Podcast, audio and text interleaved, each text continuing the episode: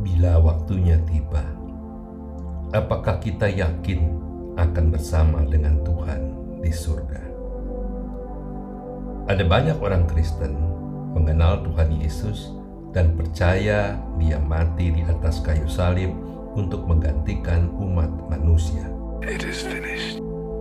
Namun, tetap saja tidak yakin akan keselamatannya.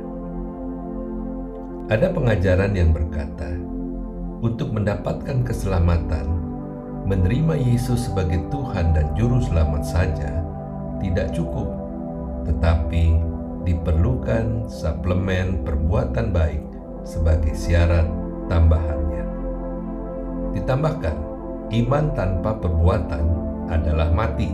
Artinya, dalam penghakiman nanti baru ditentukan apakah seorang diselamatkan atau tidak. Ini sebabnya banyak orang Kristen yang hidup penuh ketakutan, sehingga berita sukacita tentang kedatangan Tuhan Yesus yang kedua kalinya bisa menjadi hal yang menakutkan akibat tidak adanya kepastian keselamatan di dalam Kristus. Pertanyaannya, apakah memang demikian? Saat Tuhan melarang manusia makan buah dari pohon pengetahuan yang baik dan yang jahat, Ia berkata, "Tetapi pohon pengetahuan tentang yang baik dan yang jahat itu, janganlah engkau makan buahnya, sebab pada hari engkau memakannya, pastilah engkau mati." Kejadian 2 ayat ke-17. Kemudian manusia melanggar perintahnya dan saat manusia makan buah itu, manusia jatuh ke dalam dosa, sesuatu yang sangat dibenci oleh Tuhan. Sebagai konsekuensinya, Roma 6 ayat 23 berkata, Sebab upah dosa ialah maut.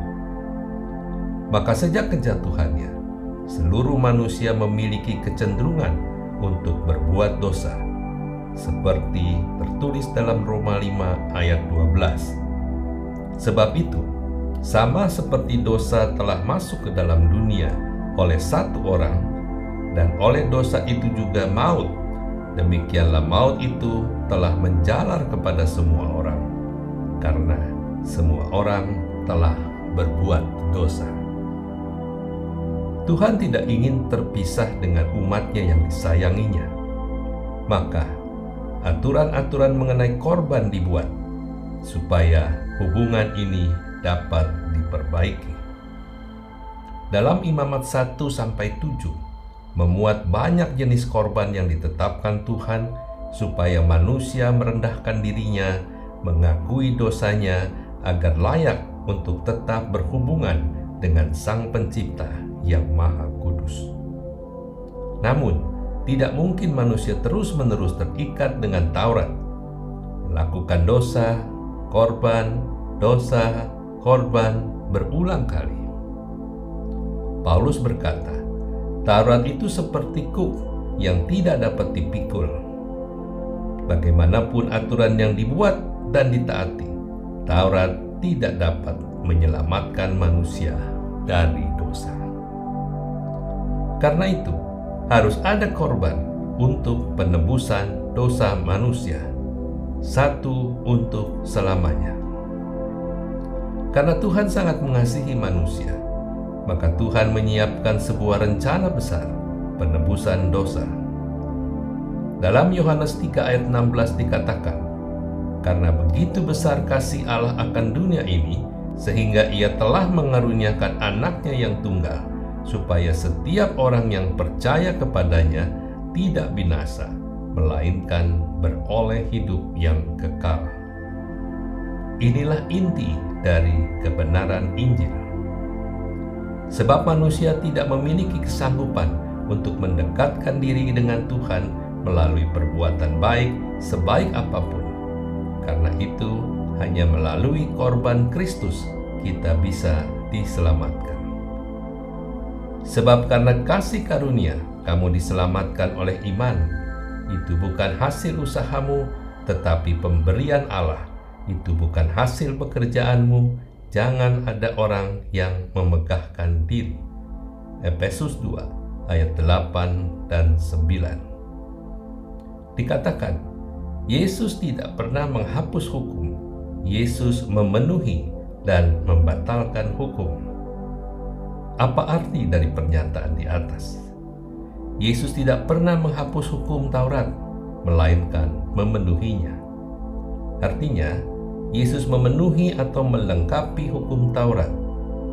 Ambil contoh, dalam hukum Taurat disebutkan, jangan berzina.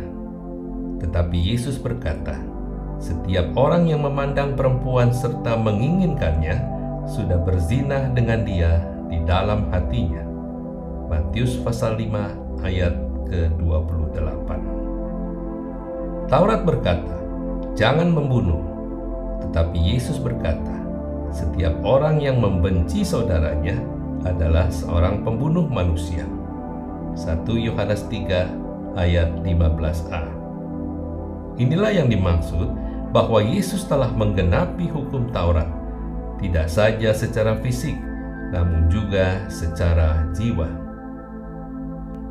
Kemudian apa maksud Yesus membatalkan hukum Taurat? Dalam Efesus 2 ayat 15, Paulus mengatakan dengan matinya Yesus sebagai manusia, ia telah membatalkan hukum Taurat dengan segala perintah dan ketentuannya. Maksudnya, kita tidak lagi berada dalam kuasa hukum Taurat karena kita adalah orang-orang merdeka oleh kuasa darah Kristus. Amén.